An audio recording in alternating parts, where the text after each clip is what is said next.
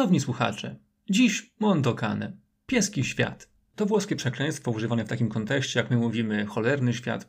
Przy okazji film o tym tytule dał początek gatunkowi filmowemu Mondo, filmów przedstawiających prawdziwą śmierć.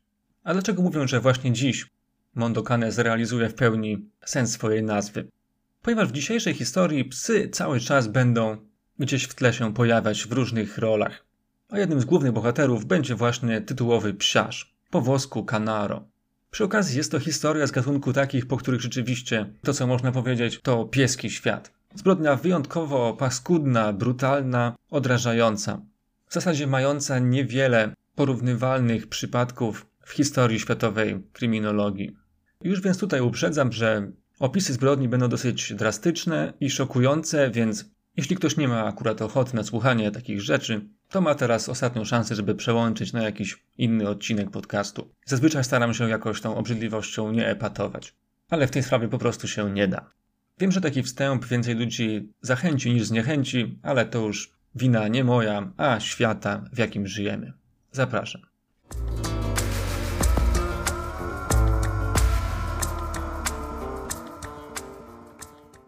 Oprócz psów, tłem dla dzisiejszego odcinka będzie Maliana. Maliana to dzielnica Rzymu, a właściwie coś, co nazwalibyśmy osiedlem, bo to jest kilka ulic leżących w dzielnicy Portuense, która swoją sławą, a właściwie złą sławą, przerosła zarówno Portuense, jak i wiele innych dzielnic Rzymu. Najbardziej rozsławiła ją działalność w latach 80. bandy z Maliany, zorganizowanej grupy przestępczej, która rządziła całym przestępczym Rzymem. Ale dzielnica ta miała cały szereg problemów, wśród których ta banda była nawet bardziej efektem niż przyczyną. Maliana powstała na przełomie lat 60. i 70. w wyniku ogromnej migracji do stolicy Włoch i gwałtownej ekspansji tego miasta. Błyskawicznie zapełniła się nowymi mieszkańcami, głównie z wsi otaczających Rzym, a także migrantami z południa Włoch. Ta dzielnica, czy też to osiedle, składało się z dwóch podstawowych elementów: z betonu oraz z wody. Betonem zalany był praktycznie każdy skrawek terenu i z betonu konstruowano bloki, często bez pozwoleń, z naruszeniem przepisów budowlanych, bez zwracania uwagi na zasady zagospodarowania przestrzennego, na komfort mieszkańców, czy też na estetykę. To, co dziś w Polsce nazywa się patodeweloperką, na co się narzeka, to naprawdę małe piwo w porównaniu z tym, co działo się w tamtych latach w Rzymie. Tam zaś, gdzie nie było betonu, była woda. Osiedle powstało na terenach zalewowych Tybru, w takim zakolu rzeki i w zasadzie znajdowało się poniżej jej poziomu. To utrudniło budowę systemu prowadzenia ścieków i wody deszczowej, Zresztą budowniczowie nie za bardzo o to dbali, to nie był ich problem. W efekcie po każdej ulewie ulice zamieniały się w śmierdzące strumienie, wszechobecna była wilgoć oraz wieczne kałuże. Ponad 30 tysięcy mieszkańców, bo tyle właśnie liczyła Maliana w latach 80., było praktycznie zgettoizowanych. W dzielnicy brak było urzędów, była tylko jedna poczta, jeden kościół, dwie szkoły średnie oraz jedna linia autobusowa, jedyne połączenie tejże dzielnicy z resztą Rzymu, z centrum. Linia numer 97, o której Massimo Luli, dziennikarz kryminalny, dowcipnie pisał, że aby nią jeździć trzeba być albo bardzo szczupłym, albo bardzo agresywnym. W takim odizolowanym, zgettoizowanym osiedlu, pełnym ludności napływowej, często zdesperowanej, bardzo szybko zaczęły powstawać problemy społeczne. Zarówno przestępczość, jak i problem narkotykowy. Narkotyki stały się prawdziwą plagą tamtego miejsca. W takich to właśnie okolicznościach, w piątek 19 lutego 1988 roku, na jednym z niewielu skrawków zieleni, na takiej łączce nieużytku, pośród nielegalnie wyrzuconych tam śmieci, pewien 60-letni mężczyzna i jego 14-letni syn, jak każdego ranka, wypasali swoje trzy konie. Dzielnica powstała w szczerym polu, na granicy miasta, więc no, nie jest to aż tak dziwne. Polsce też takie rzeczy w niektórych miejscach się zdarzają. Ów mężczyzna i jego syn zauważają, że na polanie unosi się dym z czegoś, co wyglądało jak taka kupa szmat. Rolnik z synem podchodzą do niej i zauważają, że jest to postać ludzka, zwinięta w pozycji embrionalnej, z kapturem naciągniętym na głowę, której ubrania i ciało się dopalają, a z której czoła sączy się krew. Na szczerniałym ciele widać było resztki dżinsów, resztki koszuli i parę butów. Na miejsce przyjeżdża policja i pomimo fatalnego stanu, w jakim to ciało się znajduje, udaje jej się zidentyfikować zmarłego. Robi to na podstawie odcisków palców, które były w ich policyjnej bazie. Rzecz jasna, w tamtych czasach nie było żadnego elektronicznego systemu, który automatycznie wyszukiwał zbieżne odciski w bazie, natomiast policjanci podejrzewali, kogo należy szukać. Wszystko dlatego, że wieczorem poprzedniego dnia dostali zgłoszenie. Zaginął 27-letni syn jednej z mieszkanek Mariany. Policjantom powiedziała, że rozmawiała z synem przez telefon ostatni raz w porze lunchu, na który to lunch właśnie do niej miał przyjechać. Powiedziała mu, nie każ mi robić makaronu, bo potem nie przyjdziesz. Na co on odparł, nie martw się, zanim się ugotuję, już u ciebie będę. Po 10 minutach matka odzwania i pyta się, kiedy będzie i z kim jest. Jej syn, Giancarlo, odpowiada, że jestem z Fabio, nie martw się, muszę iść sprzedać radio, zabiorę go gdzieś i zaraz wracam. Zakomunikowanie pani Vincencinie, że odnalezione zwłoki należą do jej syna, było z pewnością jedną z najtrudniejszych czynności w karierze tamtych rzymskich policjantów, zwłaszcza zważywszy na to, w jakim stanie te zwłoki się znajdowały. A były to okropieństwa, których policjanci z Mariany nie widzieli ani nigdy wcześniej, ani nigdy później. I w ogóle w historii światowej przestępczości niewiele można znaleźć zbrodni porównywalnych. Ciało było nadpalone, natomiast płomienie nie zdążyły całkowicie zniszczyć zwłok. Widocznie oprawcy nie polali tak dużo benzyny. W ocenie policjantów będących na miejscu ciało leżało na tej polanie nie więcej niż dwie godziny. Największa rana widniała na czole ofiary, pod kapturem, który był osiągnięty na twarz. Była głęboka, mogła zostać zadana jakimś tępym, ciężkim przedmiotem. Być może to rozcięcie powiększyło się też na skutek gorąca od płomieni.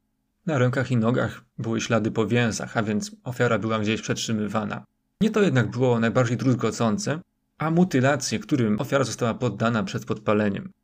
Ofierze amputowano penisa i jądra, wycięto język, ale także i wargi, odcięto fragment nosa, a także uszu. I to wszystko kilkoma sprawnymi cięciami ostrym narzędziem. Amputowano również palce, kciuki i palce wskazujące u rąk. Wszystkie na tej samej wysokości za pomocą jakiegoś sekatora albo tasaka. Ale to nie koniec makabry. Odcięte narządy płciowe i palec wskazujący utkwiły w gardle ofiary, jeden kciuk w odbycie, a pozostałe dwa palce zostały wciśnięte w oczodoły. Całe to makabryczne dzieło oceniono jako robotę specjalistów, ludzi, którzy wiedzą jak używać noża lub brzytwy czy sekatora. Żeby ustalić dlaczego, w jaki sposób? I kto? Dopuścił się tak makabrycznej zbrodni, trzeba było zebrać informacje na temat ofiary.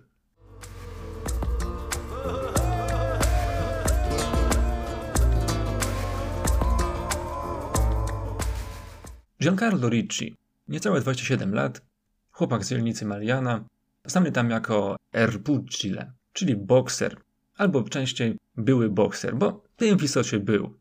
Z tym, że jego kariera skończyła się w zasadzie zanim się na dobre zaczęła. Natomiast to, co trwało i to, z czego był znany Giancarlo Ricci, to siła mięśni oraz podstawowe techniki bokserskie, które w pełni go satysfakcjonowały, ponieważ wystarczały, aby wyrobić sobie na ulicy mocną pozycję i zapewniać sobie uległość u słabszych. I tak oto Giancarlo Ricci, kiedy podjeżdżał pod klatkę schodową na swoim motocyklu marki Bimota SB4, których było tylko trzy w całym Rzymie, zawsze przyciągał rój lokalnych dzieciaków, dla których był niemalże bosem Maliany. Był typowym chłopakiem stamtąd, choć wyróżniała go agresja i lubość, z jaką używał pięści. Opinie co do jego charakteru są jednak nieco sprzeczne.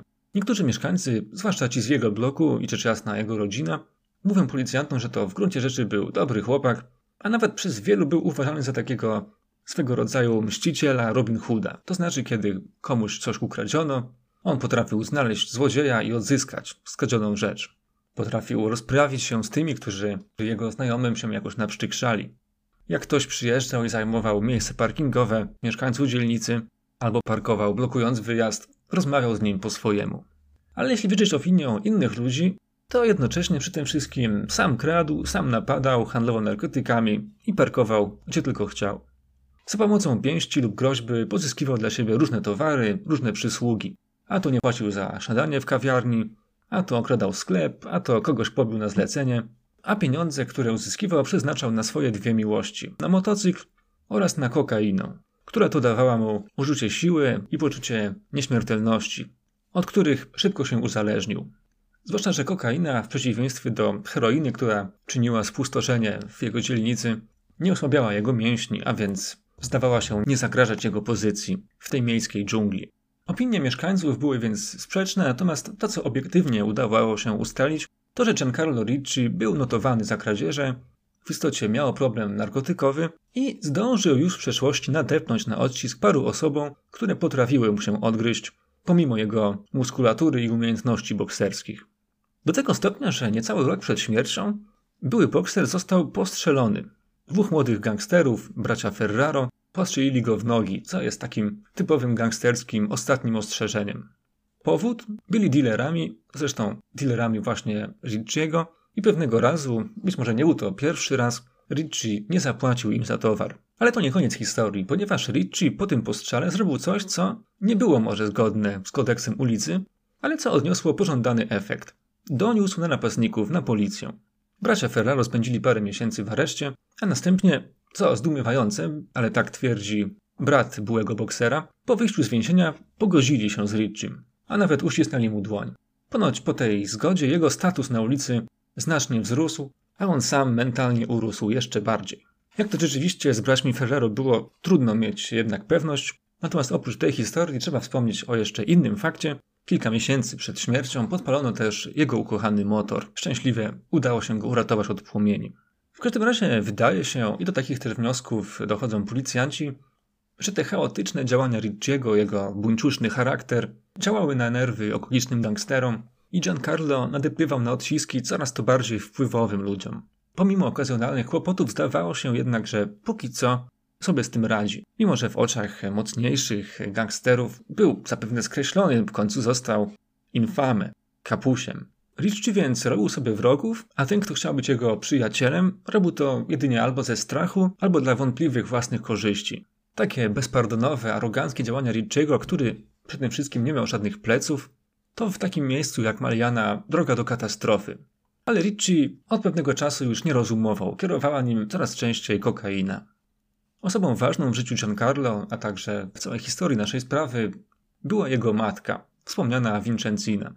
W jednym z pierwszych wywiadów już twierdziła, że jej syn był dobrym chłopakiem, ale jego zgubą były narkotyki oraz środowisko, które go w to wciągało. Robiła wiele, żeby syna z tego wyciągnąć i doprowadzić do porządku, Vincencina twierdziła, że po nocach nie spała, żeby się nim opiekować, nie pozwolić mu kupować tego świństwa. Nawet przez parę miesięcy nie chodziła z tego powodu do pracy, żeby syna kontrolować.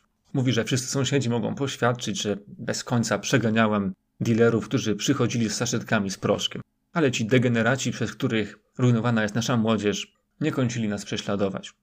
Żeby syna wyprowadzić na prostą, namówiła go, żeby przeprowadził się z Mariany do pobliskiej dzielnicy Monteverde, i to tam właśnie Giancarlo Ricci mieszkał od kilku miesięcy z siostrą. Zaczął też pracować w służbie oczyszczania miasta, co też dla matki dobrze rokowało. Niestety, na próżno jej nadzieję.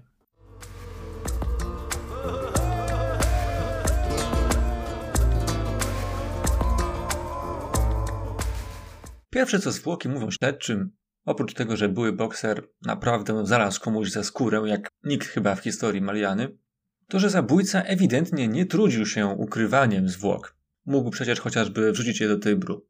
Ktokolwiek zostawił ciało, chciał, aby szybko je znaleziono.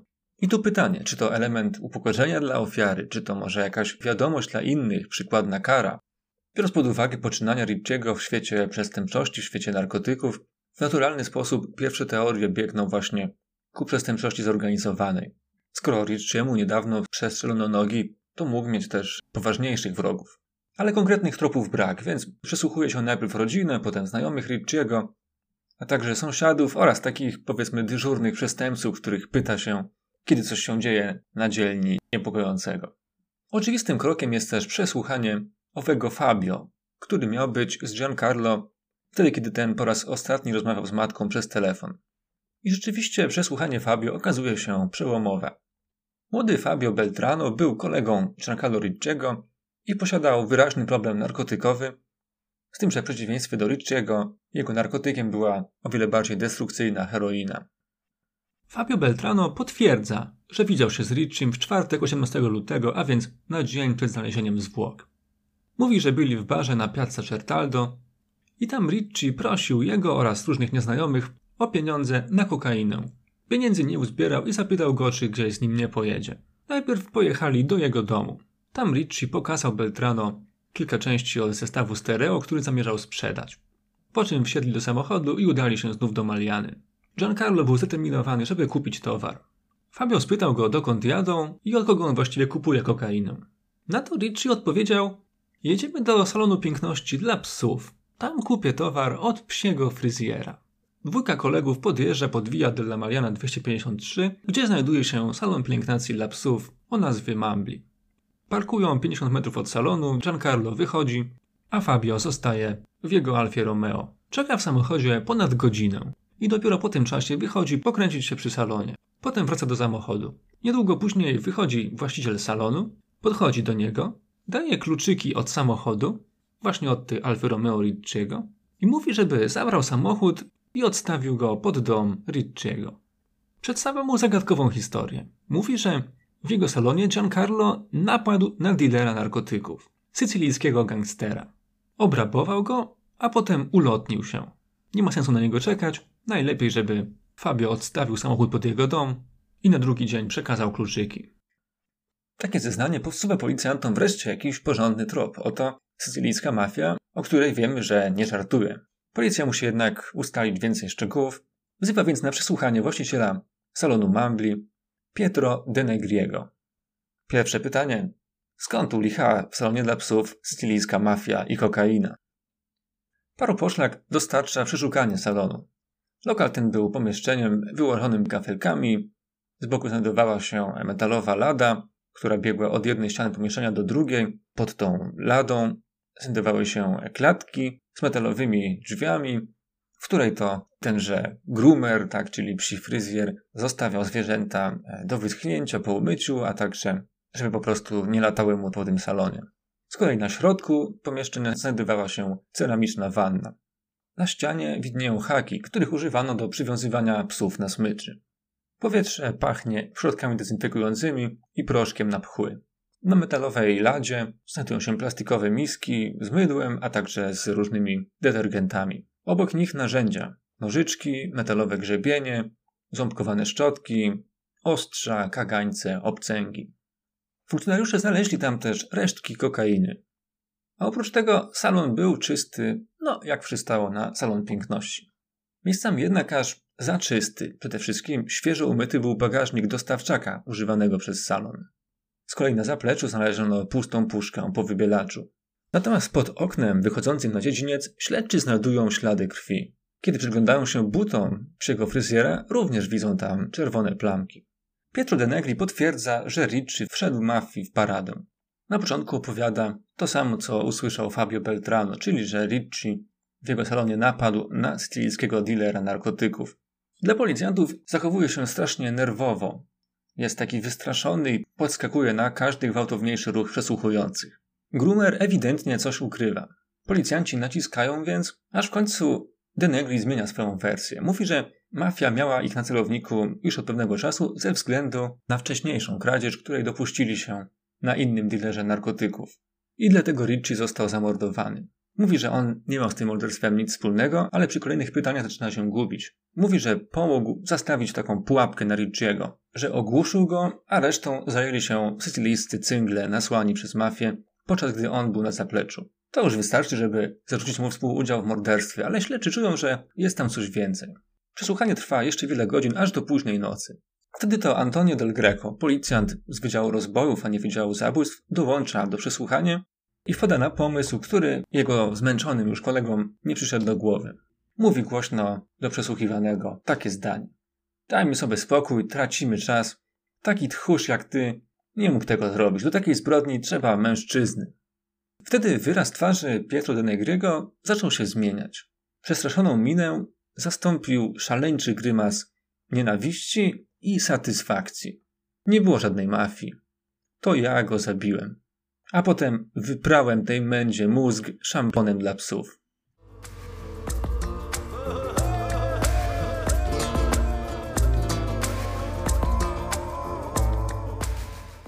Takim oto wyznaniem Pietro de Negri przemienił się z psiego fryzjera w psiarza. El Canaro. Taka ksywka przylgnęła do niego za sprawą dziennikarzy, jak tylko szykująca sprawa trafiła do gazet. Psiarz z dumą i lubością oraz ze szczegółami powiedział o swojej zbrodni oraz o okolicznościach, które do niej doprowadziły. A kilkanaście dni później, będąc już w areszcie, dostarczył do sądu kilkunastostronicowe oświadczenie, na którym przedstawił swoją biografię, historię znajomości z Giancarlo Ricci oraz makabryczne szczegóły zbrodni. Jako, że odmówił potem już składania zeznań, to właśnie to oświadczenie jest jednym z głównych źródeł informacji na temat tego, co w jego głowie się działo. Posłuchajmy więc, kim w ogóle był Pietro de Negri i jak to się stało, że znalazł się w takiej, a nie innej sytuacji, w której dopuszcza się makabrycznej zbrodni, jednej z najbardziej makabrycznych w historii Włoch, na swoim znajomym.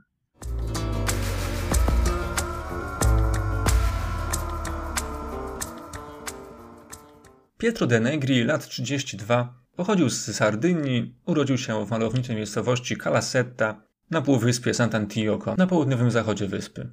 Był piątym z dziewięciorga dzieci. Kiedy jego ojciec, uznany lokalny przedsiębiorca, zmarł na nowotwór, Pietro przeprowadził się wraz z matką do Rzymu. Tam żył, wykonując tysiące prac, od sprzedaży serów, przez elektryka, po stolarza. Odbył też służbę wojskową. Po jej zakończeniu poznał Marię Paulę, zwaną Pauliną.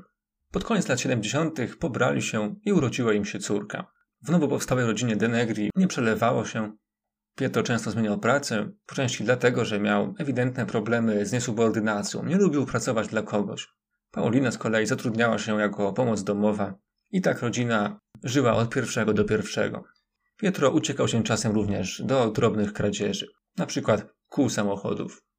Na początku lat 80. sytuacja jednak nieco się poprawiła, bo z pomocą żony Pietro de Negri otworzył salon pielęgnacji dla psów.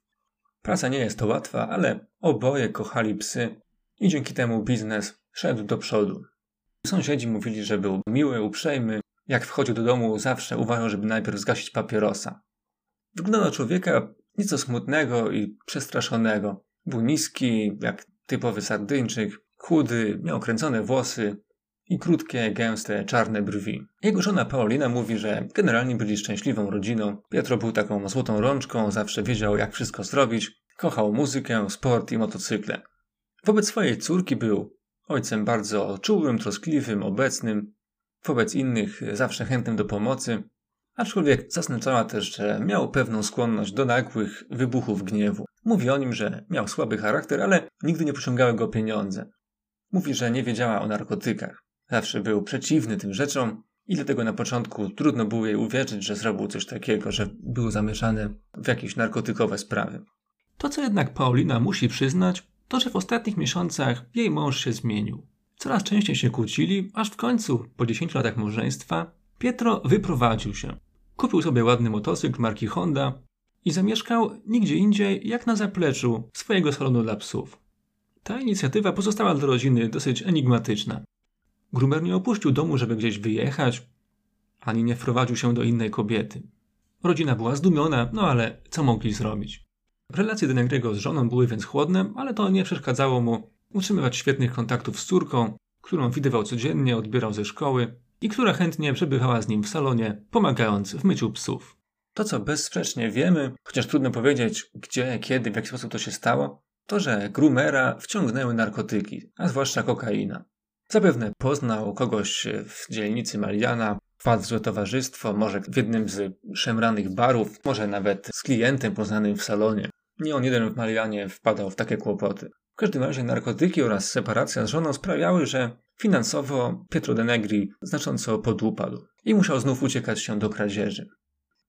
To, co jest z pewnością bardzo ważne dla tej historii, to relacje, jakie łączyły Grumera z Maliany z byłym bokserem Giancarlo Ricci.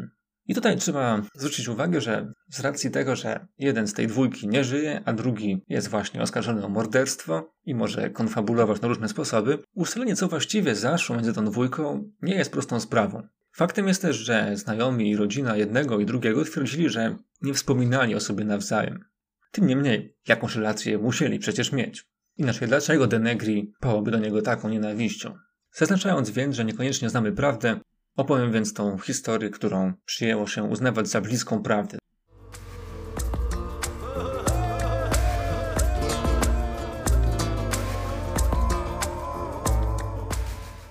Otóż były bokser oraz psi fryzjer poznali się, kiedy Richie przyszedł do jego salonu, aby umyć swojego psa, o którego bardzo dbał i bardzo kochał. Tak twierdzi Denegri, być może w rzeczywistości poznali się gdzieś indziej, albo przynajmniej spotykali gdzieś indziej, ponieważ w tym momencie tę dwójkę ludzi zgoła innych, w różnym wieku, połączyła wspólna pasja.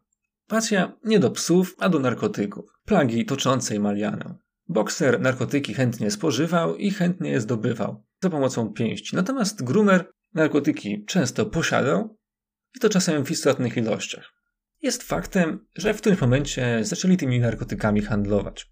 Jak do tego doszło, nie wiadomo, w swoim kilkunastostronicowym oświadczeniu, do którego treści będę jeszcze wielokrotnie wracał, psiarz z Maliany twierdzi, że pewnego razu wszedł do czyjegoś samochodu, aby ukraść radio i tam pod kierownicą znalazł paczuszkę ze 100 gramami kokainy. Wtedy to zaczął narkotyki sprzedawać. Myślę, że tę historię można włożyć między bajki, tak jak i parę innych stwierdzeń z doświadczenia. Tym niemniej Denegri narkotyki miał i kiedy Richie nie miał od kogo kupić, to szedł do psiarza wziąć parę kresek na kredyt. Raz płacił, raz wystarczyło, że pogroził pięścią. Było wiadome, że mógł herlawego sardyńczyka położyć jednym ciosem. Z kolei Pietro Denegri był typem, który nie lubił okazywać strachu. A więc za każdym razem, kiedy spotkała go jakaś niesprawiedliwość ze strony Richiego, udawał taką osobę, która poświęca wszystko dla przyjaźni. Richiego zresztą po cichu rzeczywiście podziwiał, a poza tym wolał go mieć po swojej stronie, tak jak prawie wszyscy inni, którzy mieli z Richim do czynienia. Z kolei były bokser doskonale rozumiał, że za tą ostentacyjną dobrocią i bezinteresowną szczodrością krył się w rzeczywistości strach i podziw. Czując to, tym bardziej się wywyższał. Pomiędzy nimi nastąpiło takie sprężenie zwrotne, taka spirala, która w miarę upływu czasu zaczęła się coraz bardziej nakręcać. Czy Ricci i Denegri stanowili drużynę i razem handlowali kokainą? To też jest niewykluczone, ale bardziej wygląda, że stanowili takie dziwne duo, które łączyła relacja raczej władczo-poddańcza. W jednej z ekspertyz biegłych, y, którzy zajęli się oceną tej relacji w toku procesu, napisano, że to byli dwaj pozorni przyjaciele, w rzeczywistości związani głęboką, absolutną nienawiścią i połączeni ze sobą sadomasochistycznym uwikłaniem, które doprowadziło Grumera do bycia zależnym od byłego boksera, również na poziomie emocjonalnym. Jak to się jednak stało, że ta relacja zakończyła się makabryczną zbrodnią i to taką, w której to słabszy pokonał silniejszego. Wsiarz w swojej historii za początek prawdziwej nienawiści, którą zaczął pałać do Richiego, wskazuje następujący epizod.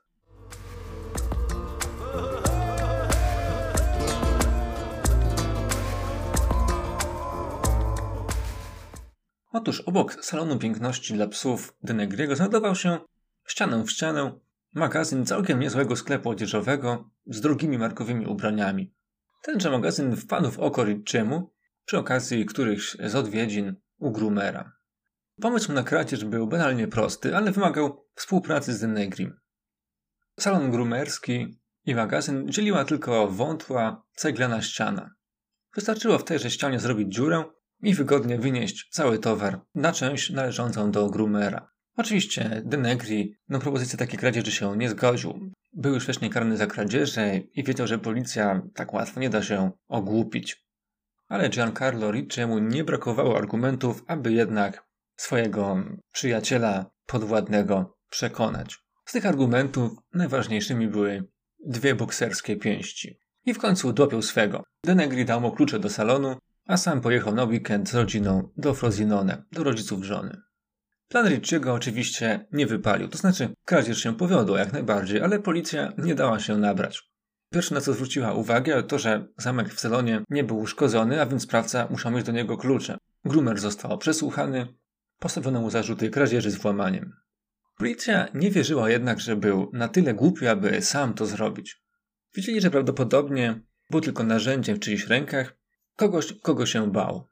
Być może wiedzieli nawet, że bał się Giancarlo Ricciego, bo znali już różnych lokalnych wataszków. Ale Grumer cierpliwie milczał. Do końca chronił swojego przyjaciela. Trochę ze strachu, a trochę z chęci poczucia się kimś ważnym, kimś równym Ricciemu. Nie sprzedać się. To przecież coś, co w kręgach, w które się wplątał, było powodem do dumy. Skończyło się to dla niego na dziesięciomiesięcznej odsiadce. Kiedy wyszedł, zgodnie z gangsterskim zwyczajem, poprosił wspólnika o swoją część, o połowę łupu. Richie, kiedy to usłyszał, zaśmiał mu się w twarz i przepędził paroma sierpowymi. Powiedział mu, jak nie masz jaj kraść, to wyślij na ulicę te dwie kobiety, które trzymasz w domu. Właśnie mniej więcej wtedy u Denegriego coś pękło, opuścił on żonę i córkę i zamieszkał w sklepie. Jego życie od tamtego momentu to mycie psów, przejażdżki motocyklowe, drobne kradzieże, zażywanie narkotyków, sprzedaż narkotyków oraz wizyty jego prześladowcy, byłego boksera.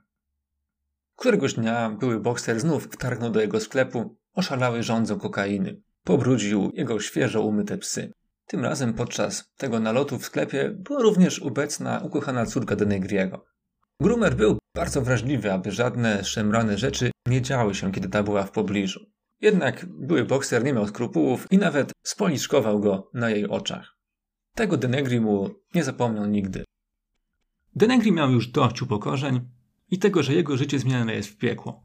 Kropla, która przelała szare goryczy, spadła na dzień przed makabryczną zbrodnią. Denegri w swoim oświadczeniu pisze, że Ricci znowu przyszedł do niego do sklepu, znów żądał kokainy i dostał od Denegriego gram. Potem Denegri wyszedł z salonu załatwić jakieś sprawy i potem w drodze powrotnej znów spotkał Ricciego. Ten czekał na niego na skrzyżowaniu przed salonem. Zażądał 5 gram i to na kredyt. Denegri odmówił, ale chwilę później musiał, jak zwykle, ulec groźbom. Zgodził się dostarczyć Ricciemu kokainę o 22 na skrzyżowaniu przed salonem. O umówionej godzinie wyszedł i czekał aż do 22.05, po czym postanowił nie czekać już więcej, dać sobie spokój i pójść do baru. Po drodze spotyka jednak znajomego, który mówi, że widział Giancarlo, który oddalał się z okolicy jego salonu dla psów na swoim motocyklu z pełną prędkością. Zaniepokojony Denegri wraca więc do salonu Mambli. Kiedy dociera na miejsce, zastaje drzwi uszkodzone, a w środku wszystko jest wywrócone do góry nogami. Jakby przeszła tam armia wandali. I odkrywa, że brakuje trzech części do jego systemu stereo, a także pilotów do telewizora i magnetowidu. To stereo zresztą znaleziono później w domu Richiego, a więc wiemy, że rzeczywiście ta kradzież nastąpiła i prawdopodobnie Richie chciał je potem sprzedać właśnie Denegriemu. Takie przestępstwo może wydawać się nieco bezsensowne, ale w rzeczywistości zdarza się o wiele częściej niż można by pomyśleć. Po włosku dorobiło się nawet swojej nazwy cavallo di ritorno, czyli koń powrotny. Koń powrotny dlatego, że jak ktoś wypożyczał konia na podróż z miasta A do miasta B, to potem w mieście B ktoś mógł wziąć konia powrotnego po niższej cenie. Ale to nie bałagan ani utracone części od sprzętu stereo były najgorsze. Triggerem szaleństwa z Mariany okazał się inny czyn Giancarlo Ricciego. Uderzając kijem, zranił on psa mieszkającego w salonie.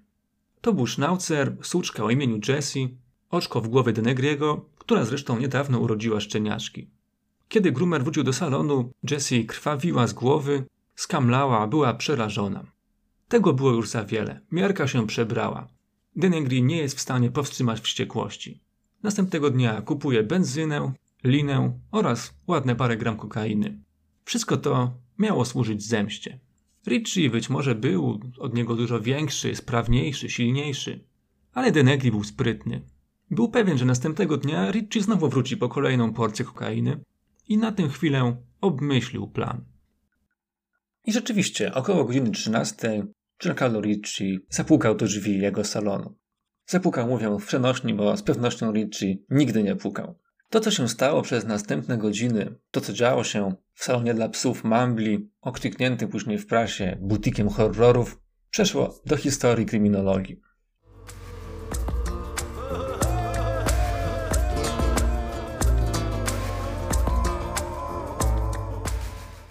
W tym miejscu ponownie lojalnie uprzedzam, że będę mówił ze szczegółami i to dość odrażającymi. Mamy więc czwartek 18 lutego 1988 roku. Giancarlo Ricci przyjeżdża swoją Alfą Giulietto pod salon dla psów Mambli w towarzystwie swojego kolegi Fabio. Parkują 50 metrów przed salonem i były bokser mówi do Fabio, żeby ten na niego poczekał w środku w samochodzie. On pójdzie kupić torebkę koksu od Grumera. Giancarlo wchodzi do sklepu przez na wpół zamkniętą roletę i odkrywa, że w środku Denegri aż skacze z podniecenia. Coś też chyba wciągnął. Grumer zaciera ręce i mówi, że zaraz przyjdzie jego dostawca koki, sycylijski dealer. Ma w gotówce fortunę i jeszcze więcej w kokainie. Proponuje Richiemu napad. chce zabrać temu dealerowi wszystko. Plan jest prosty. Giancarlo musi się gdzieś ukryć, a kiedy Groomer będzie płacił za towar, ma nagle wyskoczyć, zaatakować dealera, okraść, na wszelki wypadek pobić i dealera, i Groomera, tak żeby nie wzbudzać podejrzeń, a potem uciec. Pomysł od razu przypadł byłemu bokserowi do gustu. Plan wydaje się możliwy do zrealizowania, a przede wszystkim bardzo zyskowny. Ale gdzie ma się w tym salonie ukryć? W łazience? Nie, mówi Groomer. Nie w łazience, bo tam będą kosztować towaru. Wejdź tutaj, żeby nie było się widać. Mówiąc to, otwiera jedną z dużych klatek pod ladą. Tych, w których zamyka się psy, żeby po pierwsze nie latały po lokalu, a po drugie, żeby je suszyć. Jest tam też taki od góry system nawiewu. Bokser z pewnym trudem wchodzi do klatki, a po chwili słyszy szczęk zamka. Wtedy rozumie, że popełnił błąd. Denegri zaczyna od oszołomienia ofiary benzyną i wtryskuje płyn przez system wentylacyjny klatki. Więzień nie daje się oszołomić ani zastraszyć. Jego palce zaciskają się na żelaznej siatce tej klatki. Zaczyna krzyczeć i grozić. Pietro Denegri wstaje i z coraz bardziej rozszerzonymi oczami podchodzi do zestawu stereo Richie nie ukradł mu całości, więc on generalnie działał i przekręca pokrętło głośności na maksa. W tym czasie były bokser uderza w siatkę rękami, ramieniem, nogami, aż w końcu udało mu się ją w jednym miejscu rozbić i wychylić głowę. Wtedy Denegri uderza go pałką. Raz, drugi, trzeci i kolejne. Z pękniętej czaszki wypływa krew. Giancarlo Ricci traci przytomność. Denegri wykorzystuje to, wyciąga go z klatki i przywiązuje do łańcuchów, których normalnie używa do krępowania niesfornych psów w czasie mycia. Czeka aż Richie się ocknie. Kiedy to się dzieje, ręką ściska go za szczękę i poi benzyną. Mówi do niego: Odkryłem sekret twojej siły. Ach ty śmieciu, lubisz 97. Zatankuję cię do pełna. Tynegriemu przypomina się krzywda, jaką Richie wyrządził jego psu. Zaczyna czynić wyrzuty. Tamten jednak odkrzykuje się szyderczo i arogancko. Mówi, że pobił tego psa za skórzenie, bo zawracał mu głowę. Otrzymuje za to uderzenia pałką po całym ciele. Chwila przerwy. Psiarz w tym czasie wychodzi z salonu, idzie parędziesiąt metrów ulicą i zatrzymuje się obok Juliety Ricciego, w której wciąż czeka Fabio. Mówi mu historię o rzekomym napadzie, powierza kluczyki do samochodu i odsyła pod dom Ricciego. Dzwoni też do swojej szwagierki, aby tego dnia to ona odebrała jego córkę ze szkoły. Psiarz bowiem ma inne plany. Jeszcze zaczerpnął powietrza, wciągnął koks i podszedł do metalowej lady, skąd z żelaznej skrzynki wyjął nożyce do strzyżenia, młotek i obcęgi. Zaczyna tortury. Zaczyna je od największej broni boksera, a więc od pięści, od palców. Jedną ręką chwyta palec, a drugą mocno naciska na nożyce. Naigrywa się z torturowanego. Mówi, a niech to szlak, pomyliłem palec i tnie znowu. A niech to, coż za nieuwaga, pomyliłem rękę. Obcina cztery palce i kładzie je na blacie. Oba kciuki i oba palce wskazujące. Następnie, widząc krwawienie, zamyka rany, polewając je benzyną i kauteryzując ogniem. Richie wrzeszczy jak opętany, ale Denegdi operuje na chłodno, jest w swoim świecie, pali szlugi, wciąga kokę i raz po raz coś ucina. Każe swojemu niedawnemu oprawcy, od którego właśnie się wyzwala, powiedzieć na głos, kto go tak załatwił. Każe też Richiemu wyznawać swoje grzechy i krzywdy, które uczynił Denegriemu i innym mieszkańcom Mariany. Zmaltretowany Richie wciąż odgraża się, mówi, że potnie jego córkę na kawałki. Mając już dość tych żałosnych groźb ofiary i wyklinania go, Denegri postanawia Richiego uciszyć. Odcina mu nożyczkami język i kładzie go na lazie obok odciętych palców. Bez języka muzyka staje się zbędna. Psiarz wyłącza stereo. Po krótkiej przerwie na palenie i wciąganie wznawia swoje prasy rozbiórkowe. Odcina fragment nosa, a także podcina uszy, tak jak robi się to niektórym rasom psów. Policjantom powie potem, wydawało mi się, że on nigdy nie zdechnie, jakby był zombie. Klęka obok przykutego młodzieńca, rozpina jego spodnie, ściąga mu majtki, a potem jedną ręką łapie za przyrodzenie byłego boksera i nożyczkami odcina je przy jądrach. Kładzie krwawiące genitalia na ladzie obok języka i palców. Były bokser, a właściwie to, co z niego zostało, jest wyczerpany, zaczyna umierać. Morderca ponawia kautoryzację ran, wylewa benzynę na krocze i podpala, żeby zatamować krwawienie. Potem podnosi genitalia z lady i wciska byłemu bokserowi do gardła. Dopycha je jednym z palców. Richie dusi się i wreszcie dokonuje żywota. Denegri patrzy na swoje dzieło i dociera do niego, że zaczyna go ono przerażać i brzydzić. Te martwe oczy wpatrują się w niego. Psiarz krzywi się, kciukami naciska gałki oczne ofiary, aż te znikają w jego głowie. Na ladzie pozostały dwa palce wskazujące i kciuk. Wsuwa kciuki w odbyt ofiary, a potem bierze palce wskazujące i wkręca je w krwawiące zagłębienia oczu. Ale nie wchodzą do końca. Chwyta więc młotek i uderza, aż palce całkowicie znikają. Zatrzymuje się na chwilę, oddycha, pocąc się. W ręce wciąż trzyma młotek, którym dopychał palce w oczy i z wściekłością na zakończenie wymierza kilka potężnych ciosów w czaszkę zmarłego, aż ją rozłupuje, jak orzech kokosowy. Odkłada młotek, bierze butelkę z szamponem dla psów i opróżnia ją wewnątrz pękniętej głowy. Wlewa wodę i zaczyna masować. Pranie mózgu, tak to później określi. Jest godzina 21.40, a więc tortury trwały ponad 7 godzin. Trzeba pozbyć się zwłok. Oprawcę kusi teraz, aby zasiągnąć ciało na osiedlowy skwer i umieścić na nim tabliczkę z napisem Oto słynny bokser. Przygotowuje ją żółtą farbą, bo to kolor kapusiów. Potem zmienia jednak plan. Uwalnia truchło Ritchiego z haków, składa go na pół w pozycję embrionalną, sznurkiem zawiązuje mu ręce i nogi. Zawija go w koc, nakłada kaptur na głowę. Wkłada go do dużego worka na śmieci, który zazwyczaj jest używany do zbierania pustych pojemników w ośrodkach czystości oraz sierści psów. Jest już prawie świt, kiedy psiarz wrzuca złowrogo wyglądający tobołek na pakę furgonetki przez okno i krąży po Marianie, szukając odpowiedniego miejsca, aby pozbyć się ciała, aż natrafia na zielony nieużytek, pełen śmieci, na którym nikogo nie ma. Zostawia ciało, polewa benzyną i podpala.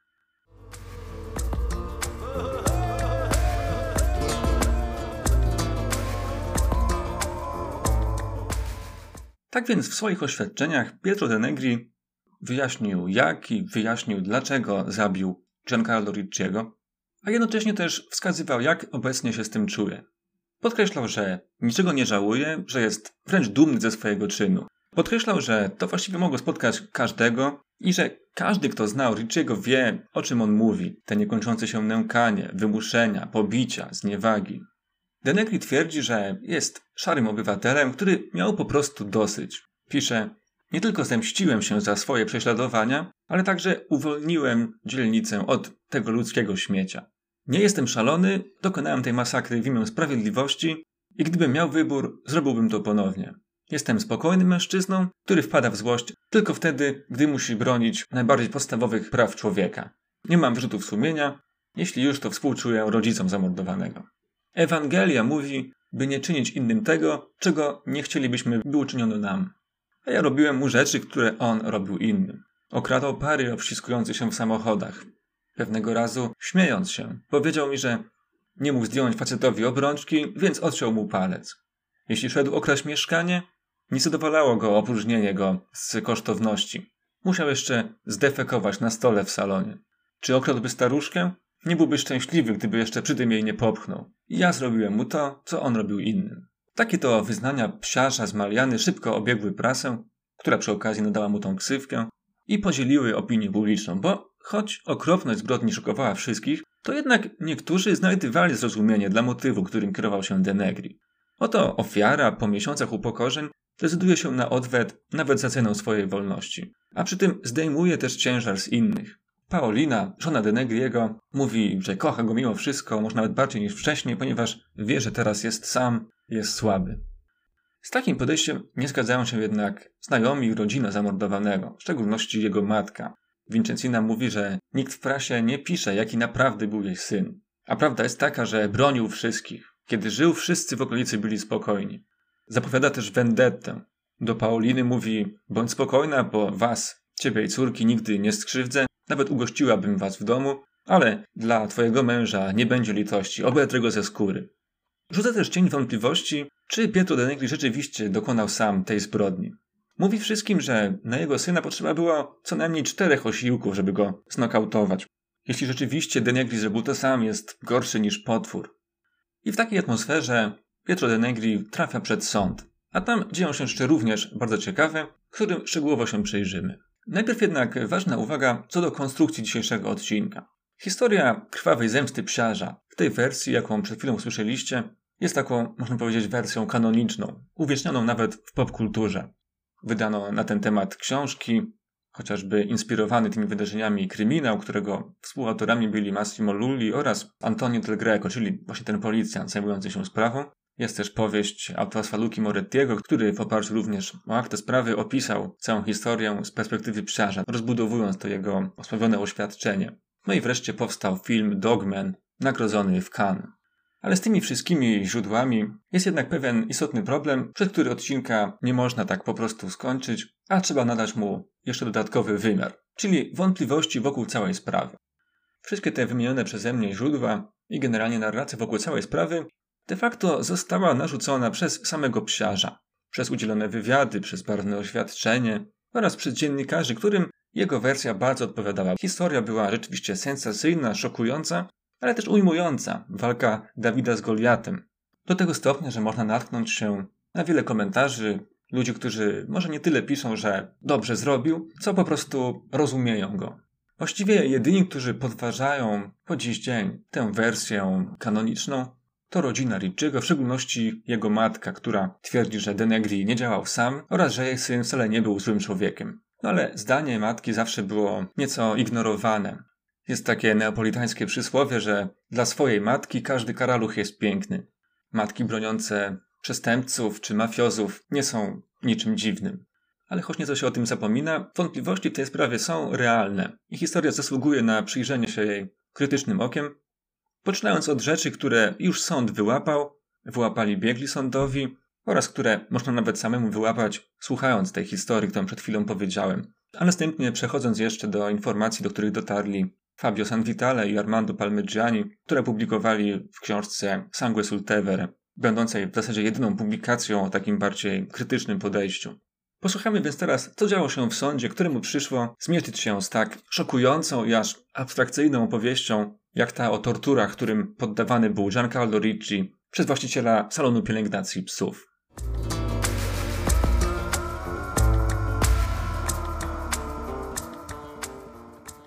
Pierwsze i kluczowe pytanie, na jakie sąd musiał sobie odpowiedzieć, to czy sprawca Pietro De Negri w chwili czynu był w ogóle poczytalny.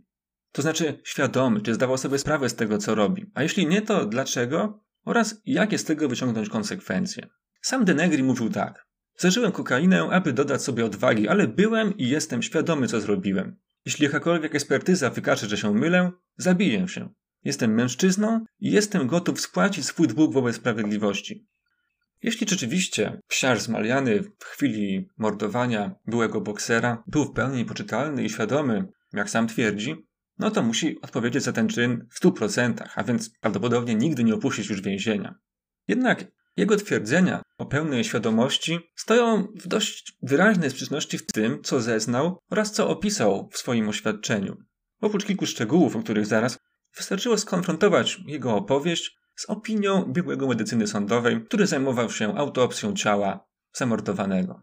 Otóż Giancarlo Ricci zmarł od uderzenia tępym przedmiotem w głowę i zmarł od razu, a więc wszystkie okaleczenia, tak dokładnie opisane przez psiarza, zostały dokonane pośmiertnie. Jego opowieść o nieludzkich torturach, które ciągnęły się godzinami i w czasie których rozmawiał z Riccim, słuchał jego krzyków, były w rzeczywistości, można powiedzieć na szczęście, fantazją. Pytanie, czy Denegri zmyślił to, aby dodać sobie szacunku i narobić sensacji, czy też naprawdę wierzył, że tak przebiegało tamto popołudnie? I te krzyki i rozmowy z bokserem uroił sobie pod wpływem morderczo-narkotycznego szału. No właśnie, jeszcze kwestia narkotyków. Sąd musiał ocenić, czy odłożenie kokainą było chwilowe, czy też przewlekłe, ciągnące się tygodniami. W tym drugim przypadku istniała szansa na uznanie psiarza z Mariany za osobę generalnie niepoczytalną, niezdolną do kierowania swoimi działaniami, no de facto za osobę chorą. Co gdyby uznać go za niepoczytalnego? Prawo karne, tak w Polsce, jak i we Włoszech i w zasadzie we wszystkich współczesnych krajach, mówi jasno: jeśli ktoś nie może kierować swoim postępowaniem, nie może rozpoznać znaczenia swojego czynu, czyli po prostu nie wie, co robi, albo robi coś nieświadomie, to nie można przypisać mu winy. Wina to jest coś subiektywnego. Jeśli schizofrenik atakuje przechodnia, bo myśli, że ten go śledzi i chce na niego napaść, to nie jest winny, bo kieruje nim choroba. A jeśli ktoś nie jest winny, to nie można go skazać za przestępstwo. Jest to logiczna konsekwencja i zasada prawa karnego. Oczywiście nie znaczy to, że taki delikwent ma być puszczony wolno, bo po pierwsze potrzebuje pomocy, skoro jest chory, a po drugie stanowi zagrożenie dla społeczeństwa, więc takie osoby nie wychodzą na wolność, tylko trafiają do szpitala psychiatrycznego, gdzie może i warunki mają lepsze niż w więzieniu, ale perspektywy na jego szybkie opuszczenie są w praktyce jeszcze mniejsze, więc to niekoniecznie jest najlepszy deal. Ale tutaj mówimy o chorobach psychicznych. Natomiast wiadomo, że będąc pod wpływem narkotyków czy alkoholu, również można znaleźć się w takim stanie, w którym nie jest się świadomym swoich czynów, nie można rzeczywiście kierować swoim postępowaniem. I to są sytuacje z punktu widzenia prawa karnego najbardziej kontrowersyjne. Przywołując polski kodeks karny, ale jak wspomniałem, ta zasada jest mniej więcej wszędzie taka sama, wina sprawcy nie jest wyłączona, jeśli to on sam wprawił się w stan nietrzeźwości lub odurzenia i mógł przewidzieć, że spowoduje to wyłączenie lub ograniczenie poczytalności. Kiedy sprawca sam się wprawił, co mógł przewidzieć, to są oczywiście bardzo nieostre pojęcia i dlatego każdą sprawę trzeba rozpatrywać indywidualnie. Ja mogę powiedzieć, że w rzeczywistości przypadki, gdzie sąd uznaje, że ktoś nie mógł przewidzieć działania alkoholu, są bardzo, bardzo rzadkie. Narkotyków może trochę mniej, ale wciąż są to ewenementy. I jakie są to sytuacje? Albo ktoś po miesiącach, czy nawet może latach stosowania środków odurzających rozwija tak naprawdę chorobę psychiczną, chociażby schizofrenię, i przez to znajduje się permanentnie w stanie, którym nie jest poczytalny. Albo jest jeszcze druga możliwość, kiedy po spożyciu niewielkiej ilości środka organizm reaguje w sposób nie dający się przewidzieć, czyli zupełnie nieproporcjonalny do ilości, jaką się zażyło. Jeśli ktoś przez całe życie reagował normalnie na alkohol, aż pewnego razu wypił tylko kieliszeczek wódki, a później wstał i zaczął robić jakieś szalone rzeczy i godzinę później tego nie pamiętał, to mamy tak zwane upojenie atypowe. Jest to bardzo rzadki przypadek, ale wtedy też sprawcy nie można przypisać winy. Taka typowa reakcja zresztą jest jedynym przypadkiem, jaki w sumie przychodzi mi do głowy, gdzie można uniknąć kompletnie odpowiedzialności za swój czyn, bo jeśli nie jest się przy okazji chorym psychicznie lub uzależnionym, nie ma się zaburzeń stanowiących zagrożenie dla społeczeństwa, to w zasadzie powinno się takiego wypuścić po prostu na wolność. No ale wróćmy już do sprawy psiarza z Maliany. Wiemy, że miał problem narkotykowy, ale czy był poczytalny, czy nie? Osiem miesięcy po jego aresztowaniu zespół biegłych w dwustronicowej opinii orzekł w sprawie osobowości zabójcy. Pietro de Negri przejawiał cechy osobowości narcystycznej i megalomanii. Co zresztą widać nawet przy już pobieżnej lekturze jego pisemnego oświadczenia. Oto parę co ciekawszych fragmentów. Psiarz pisze tak. Nie jestem święty, ale jestem lojalny i uczciwy. Mam wielki szacunek do siebie i szanuję wszystkich wokół mnie, ale wymagam szacunku. Jestem człowiekiem pracy. Mam szczęście mieć złote ręce. Mam też fotograficzną pamięć. Wystarczy, że raz zobaczę, jak ktoś coś robi i za trzecim razem będę robił to już lepiej niż osoba, która mi to pokazała. Zawsze dawałem sobie wszystko dla innych, nigdy nie prosiłem o nic w zamian. Każdy, kto mnie zna, zawsze w jakiś sposób na tym zyskiwał. Pomimo, że skończyłem edukację na ósmej klasie, zawsze starałem się ukulturalniać, przede wszystkim dla siebie, dla mojej osobistej dumy, ale też dla innych. Co więcej, jestem pasjonatem psychologii. Mnóstwo razy zamiast wyjść ze znajomymi zostawałem w domu, aby poświęcić się lekturze jakiegoś cennego dla mnie tekstu z dziedziny psychocybernetyki. Ale to, co tak bardzo w sobie podziwiam, to wytrwałość, z jaką zawsze starałem się poprawić samego siebie, aż do przesady. Także to nigdy nie ja jestem w błędzie, ale zawsze inni. Z tą bez wątpienia narcystyczną osobowością kontrastuje jednak rola, jaką Denegri przyjął w relacji z Richiem. Rola poddanego. I ta sprzeczność powodowała rozwinięcie osobowości paranoicznej, której pojawiały się na przemian fazy depresyjne i maniakalne, zaostrzane przez nadużywanie kokainy. Podsumowując, biegli twierdzą, że kiedy Pietro de Negri zabijał, a potem torturował swojego przyjaciela, nieprzyjaciela, był niepoczytalny, niezdolny do rozumowania i kierowania swoim zachowaniem. Ale to nawet nie tyle jego osobowość była kluczowa, a prawdziwym zabójcą Giancarlo Ricciego była kokaina, przez którą na krótki czas Denegri kompletnie stracił rozum. Dopytani przez sędziego biegli napisali, że Denegri nie może być jednak uznany za społecznie niebezpiecznego. Nie jest to jakiś mordujący szaleniec. Czym, którego się dopuścił, był ściśle związany z tą jego patologiczną relacją, jaką rozwinął z Riccim. To wszystko nie brzmi głupio, ale właśnie dzięki takiej opinii powstała ta rzadko występująca luka, w której sprawcy nie powinno się skazać, bo nie jest winny, ale jednocześnie nie powinno się zamykać w szpitalu psychiatrycznym, bo nie jest niebezpieczny. Adwokaci Denegriego wykorzystują to i błyskawicznie składają wniosek o zwolnienie z aresztu. Wniosek ten rozpoznaje nie sędzia nadzorujący całe postępowanie, ale osobny sąd, zwany Sądem Wolności. I ten sąd orzeka zgodnie z konkluzjami tejże opinii. Tym sposobem psiarz z Mariany przy ogólnym zdumieniu wychodzi na wolność.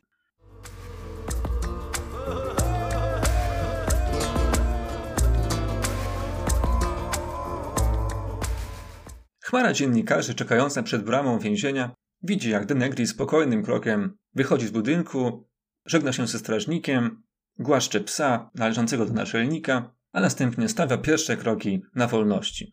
Dla dziennikarzy rozmówcą okazuje się bardzo wylewnym. Szczególnie dla jednej dziennikarek, która oferuje mu podwózkę do domu. Rodzina Denegriego nie zdążyła go odebrać. W trakcie wywiadu szybko się okazało, że Denegri nie cofa swoich słów, niczego nie żałuje, a to zwolnienie z aresztu, mimo że jego proces jeszcze się nie skończył, nie mamy tutaj żadnego definitywnego rozstrzygnięcia, nasiliło jego poczucie, że w istocie sprawiedliwość jest po jego stronie, że jest lokalnym bohaterem. Mówi, moje uwolnienie dowodzi, że sprawiedliwość istnieje. Ponownie odrzuca jakąkolwiek myśl o byciu uznanym za szaleńca, mimo że w zasadzie dzięki temu opuścił areszt. Mówi, jestem normalnym człowiekiem, człowiekiem jak każdy inny, z dobrymi i złymi stronami. Wiem, że dla sędziów moja sprawa nie musiała być łatwa, ale jak można byłoby mnie skazać? Wypuszczenie psiarza na wolność jest szczególnym szokiem dla rodziny jego ofiary. Vincenzina, matka Giancarlo Ricciego, chodzi po Malianie szukając psiarza z chęcią wymierzenia mu sprawiedliwości po swojemu. Za pośrednictwem prasy zwraca się. Jeśli masz odwagę, przyjdź na Piazza della Maliana i powtórz oszczerstwa, które powiedziałeś o moim Giancarlo na oczach całej okolicy. On i ja twarzą w twarz na gołe pięści. Nie mija tydzień i psiarz zostaje szybko sprowadzony na ziemię, nie tyle przez starą Vincenzinę, ale przez wymiar sprawiedliwości. Sędzia nadzorujący postępowanie wydaje postanowienie, w którym ignoruje konkluzji opinii biegłych, uznając, że poczytalność Pietro de Negriego była jedynie ograniczona, a nie całkowicie wyłączona. Jednocześnie orzeka, że do czasu wyroku de Negri będzie siedział. Nie w areszcie, bo stamtąd został już zwolniony, ale w sądowym szpitalu psychiatrycznym. Ponieważ, co by nie było, istotnie jest on nadal społecznie niebezpieczny. Przecież nie wiadomo, czy znowu mu nie odbije, zwłaszcza jeśli wróci do kokainy. I tutaj z pewnością psiarzowi nie pomogły te jego deklaracje prasowe. Przed sąd trafia wreszcie akt oskarżenia. Morderstwo z premedytacją, porwanie, zbezczeszczenie zwłok, posiadanie narkotyków. Sąd zleca kolejną opinię innym biegłym psychiatrom i ci zgadzają się z tym właśnie stanowiskiem sądu, że to była poczytalność jedynie ograniczona. Nowi biegli piszą, że nie ma żadnych argumentów na poparcie tej hipotezy o przewlekłym odurzeniu narkotykowym, które doprowadziłoby do permanentnej niepoczytalności. Psiarz zaplanował morderstwo na zimno i świadomie zażywał narkotyki tylko po to, żeby się wzmocnić, dodać sobie odwagi. W ten sposób odurzenie kokainą, zamiast być okolicznością tak jakby łagodzącą, stało się de facto okolicznością obciążającą, bo stało się narzędziem wykonania zbrodniczego planu. Tym niemniej Denek rzeczywiście miał już rozwiniętą paranoję, miał poczytalność ograniczoną i to pozwoliło mu uniknąć kary dożywotniego pozbawienia wolności, o którą wnioskował prokurator. Denegi został ostatecznie skazany na 27 lat więzienia, 22 za zabójstwo i 5 za kokainę. I w tym miejscu kończy się sprawa, ale to co się nie kończy to, jak wspomniałem, wątpliwości. Co naprawdę wydarzyło się w czwartkowe lutowe popołudnie przy Via della Mariana 253? Jak Denegri poskromił Ricciego? Czy ktoś jeszcze brał w tym udział?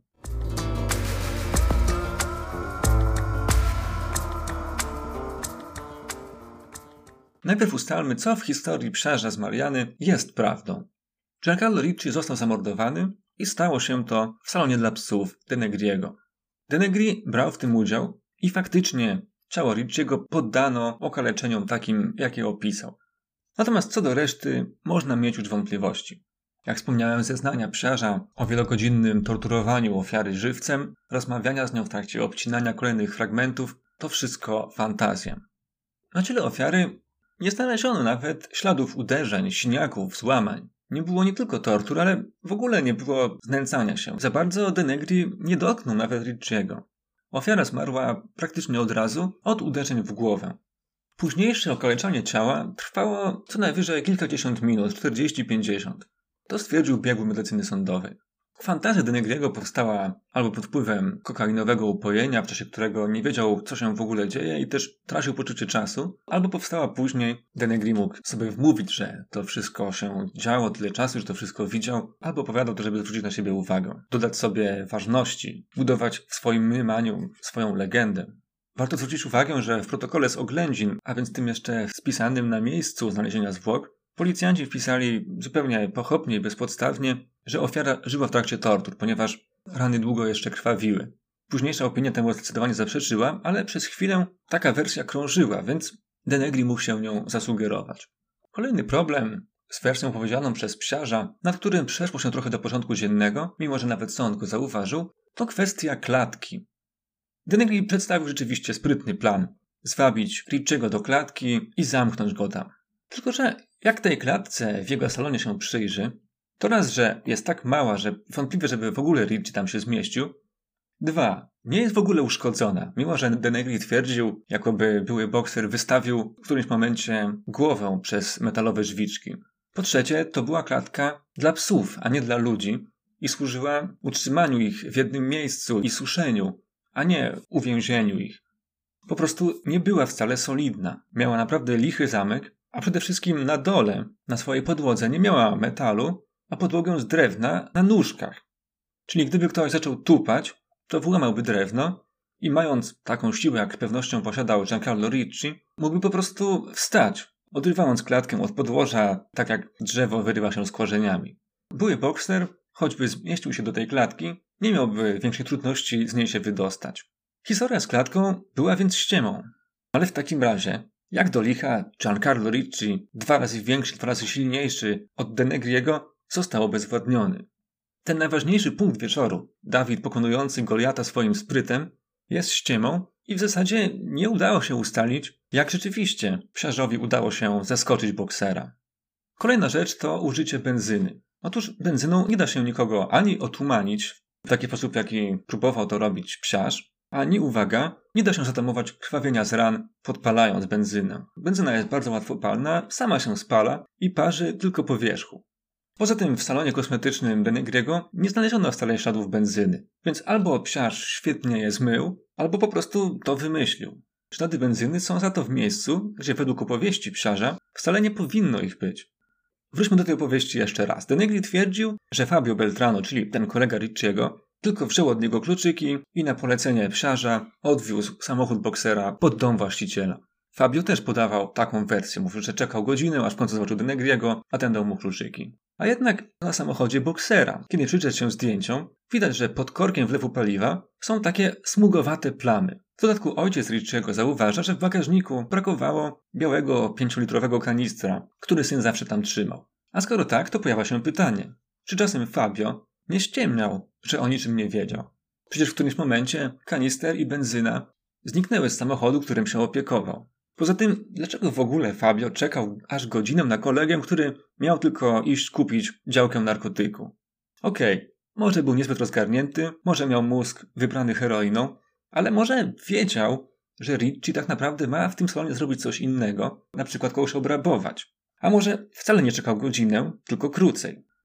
W wersji Psiarza i Fabio są też inne rzeczy, które nie grają. Choćby to. Dlaczego w ogóle Denegri wyszedł ze sklepu szukać Fabio? To by znaczyło, że się spodziewał, że ktoś tam jest. A przecież równie dobrze Ricci mógł sam przyjechać samochodem. Poza tym obaj z Fabio twierdzą, że się nie znali. Jak więc wytłumaczyć, że jeden rozpoznał drugiego, kiedy spotkali się przed salonem, aby przekazać kluczyki? Zresztą, czy psiarz naprawdę świeżo po zabójstwie oddałby Alfettę Ricciego komuś nieznajomemu, komuś, kogo nigdy nie widział? Trzeba rozważyć inne scenariusze. Może Denegri, kiedy wyszedł ze sklepu, nie zrobił tego, aby odesłać Fabio do domu Ricciego, ale wręcz przeciwnie, aby zaprosić go do środka i namówić albo w jakiś sposób zmusić do pomocy.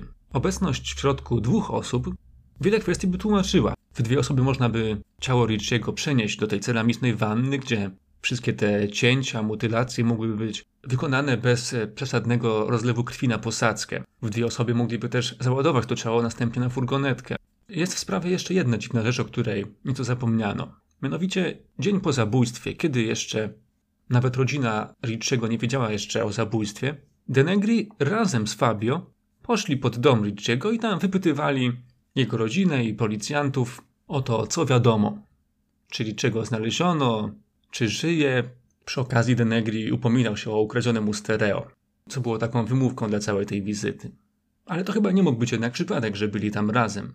Dlaczego Fabio miałby mu pomagać? Tego rzecz jasna nie wiadomo, natomiast wiemy, że Fabio był osobą poważnie uzależnioną, więc może Denegri obiecał mu pieniądze czy działkę narkotyku w zamian za współpracę. No na pewno jakieś środki nacisku mógł na niego mieć. Teraz informacja, wiem, że ważna dla niektórych słuchaczy i słuchaczek, a przy okazji ma też znaczenie dla oceny całej sprawy. Żaden pies w tej historii nie ucierpiał. Kiedy policjanci przeszukali salon, znaleźli słuczkę Denegriego, Jessie i absolutnie nic jej nie było. Nie miała ran, zachowywała się normalnie, nie była strachliwa. Zresztą sam Giancarlo Ricci miał psa, o którego dbał i jak mówi jego matka, nigdy żadnego psa by nie skrzywdził. I to prowadzi do kolejnego wątku. Były bokser wcale nie był jakimś arcywrogiem psiarza, a przynajmniej nie od dawna. Denegri nie był jak kapitan Ahab z Moby Dicka, który opętany był manią zemsty i o niczym innym nie mówił, jak tylko o tym, że chce dopaść swojego arcywroga. Paolina, żona psiarza, nigdy nie słyszała o Ricci, a więc ta obsesja musiała być stosunkowo świeża. Małżeństwo żyło w separacji dopiero około 10 miesięcy. Rodzina Ricciego też nie słyszała o żadnym Denegri, co jest może mniej dziwne. Ale uwaga też na to, co Denegri opowiadał o Ricci, mianowicie o tych jego nikczemnościach, krzywdach, jakie mu wyrządził. Poczynając od największej krzywdy, czyli kradzieży w magazynie obok, za którą psiarz odsiedział 10 miesięcy i nie dostał nawet swojej części łupu. Otóż kradzież w magazynie obok salonu piękności dla psów Mambli, za który Denegri rzeczywiście trafił do więzienia, datowana jest na 10 lipca roku 1984, a więc ładne kilka lat przed zabójstwem Ricciego. I oprócz Denegriego, jak ustalili karabinierzy, w sprawę zamieszani byli również bracia Morico, Claudio i Luigi, dwaj przestępcy znani już policjantom z Mariany. I uwaga, bracia Morico przyznali się do tej kradzieży. Nazwisko Giancarlo Ricci w ogóle w tej sprawie się nie pojawia. Bokser nie miał nic wspólnego z tą kradzieżą.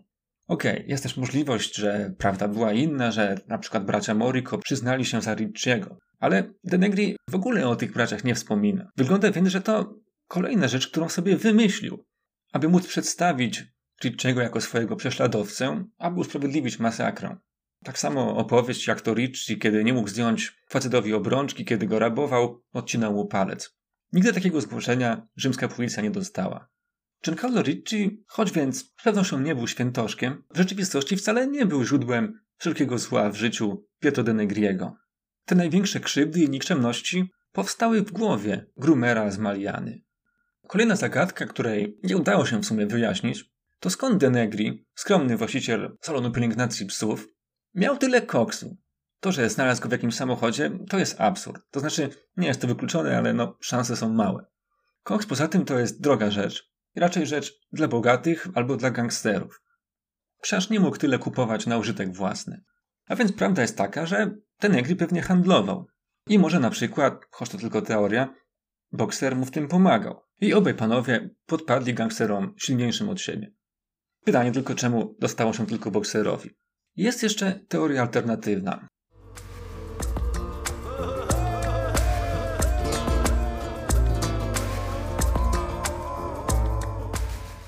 Jeszcze zanim policja zapukała do salonu Mambli i natrafiła na Pietro de Negriego, wielu świadków mówiło, że Giancarlo Ricci od paru tygodni czuł się zagrożony a niektórzy znajomi wręcz razili rodzinie, aby Ricci wyprowadził się z Maliany.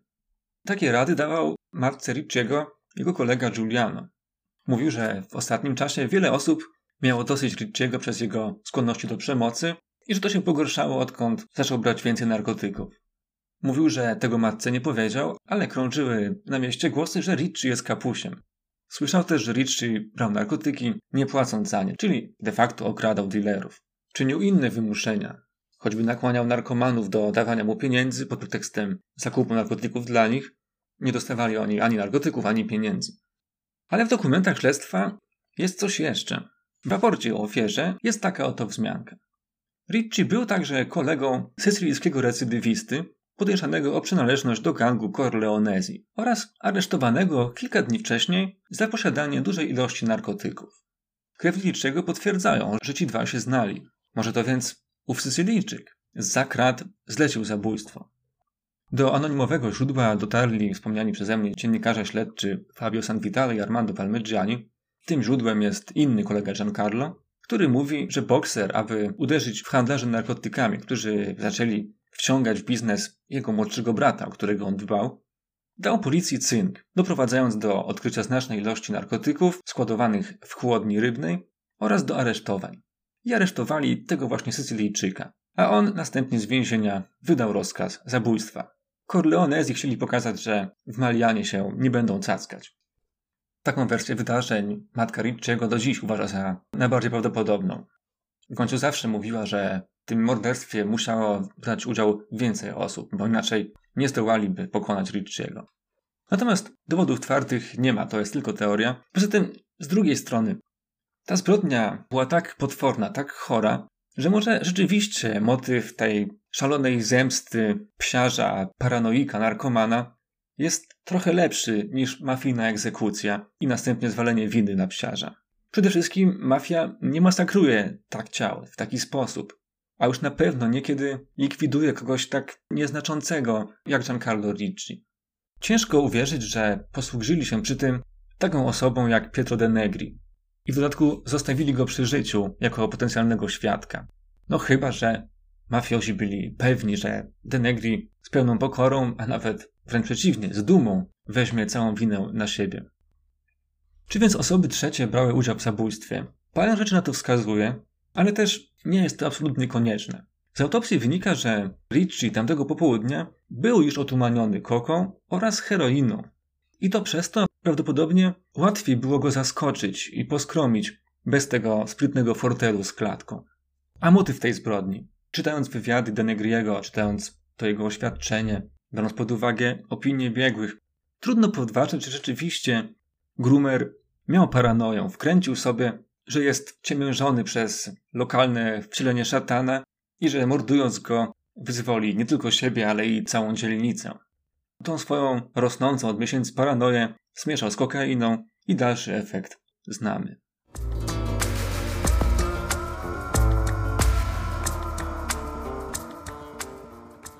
Na zakończenie powiem jeszcze o dalszych losach psiarza z Mariany. W więzieniu sprawował się wzorowo, iż niedługo po wyroku złożył wniosek, aby zostać więziennym fryzjerem. Zebrał przy tym zgodę wszystkich więźniów w swoim skrzydle, którzy obdarzyli go zaufaniem, że tym razem nożyczek używał będzie zgodnie z przeznaczeniem. Był też skrybą, pisał listy za więźniów, którzy nie mogli tego robić z różnych przyczyn. W szczególności pomagał chorym na AIDS pisać różne pisma do kierownictwa więzienia. Podobno był jednym z nielicznych, którzy im pomagali. Wyszedł w roku 2005, po 17 latach od siatki i wrócił do swojej rodziny. Czekały na niego Paulina i ich córka, która jakiś czas wcześniej osiągnęła pełnoletność. Opuszczając więzienie Denegri, udzielił dziennikarzom już tylko jednej krótkiej wypowiedzi. Chcę, było o mnie zapomniano. Całe to zamieszanie boli mnie. Zapłaciłem rachunek sprawiedliwości. Na zapomnienie nie mógł jednak liczyć, zwłaszcza, że jego historia poprzez dzieła kultury zapewniła mu nieśmiertelność. Jeszcze w latach 90. historię psiarza z Maliany spisał Vincenzo Cerami. Ta historia została opublikowana w książce Fattacci razem z historią Karła Stermini, o którym w odcinku podcastu numer 12. I podobnie jak tamta historia została później zekranizowana przez tego samego reżysera, przez Matteo Garrone.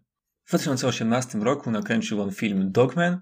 Film całkiem niezły, bardzo klimatyczny, który odniósł sukces na festiwalu w Cannes. Nagrodę dla najlepszego aktora za rolę tytułowego dogmena, psiarza, dostał Marcello Fonte, pierwsza duża rola w życiu, a przy okazji film, można powiedzieć, w cuglach zgarnął Psią Palmę, nagrodę przyznawaną na festiwalu za najlepsze role psów. W przypadku Dogmana została ta nagroda przyznana zbiorczo całej psiej obsadzie. Film jest na CDA. Jakby ktoś sobie chciał tą historię jeszcze raz przeżyć, zwizualizować, to polecam. A my usłyszymy się przy okazji kolejnej, nietypowej, zbrodniczej historii. Kolejny odcinek, podobnie jak ten, niestety nie ukaże się zbyt szybko. Mam teraz bardzo trudny okres ze względów zawodowych. Natomiast Zapewniam, że absolutnie podcast nie został porzucony. Od maja, może czerwca, mam nadzieję, że ruszy on w tempie co najmniej takim, jak udawało mi się osiągać jakoś tak rok temu. W każdym razie inspiracji, tematów, entuzjazmu mi nie brakuje. Poczyniłem nawet pewne inwestycje związane z przyszłością podcastu. Mam nowy mikrofon, nie wiem czy słychać różnicę, na pewno mogę powiedzieć, że ułatwia mi pracę. No i zmienił się jingle. Od tej pory będzie nam towarzyszyć utwór zespołu Mascarini, grającego od ponad 20 lat ludową muzykę południowo-włoską z domieszką muzyki romskiej. Poprzednia melodia mogła się też podobać, ale finansowo w dłuższym terminie mi się to zwróci, a poza tym myślę, że o wiele fajniej jest reprezentować jakiś zespół z krwi i kości, tworzący i grający blisko mojemu sercu muzykę, niż puszczać taki dosyć generyczny jingle, jaki miałem z bazy utworów. Myślę, że podcast jest dzięki temu bardziej prawdziwy, a przecież od początku taki właśnie był zamysł. Do usłyszenia.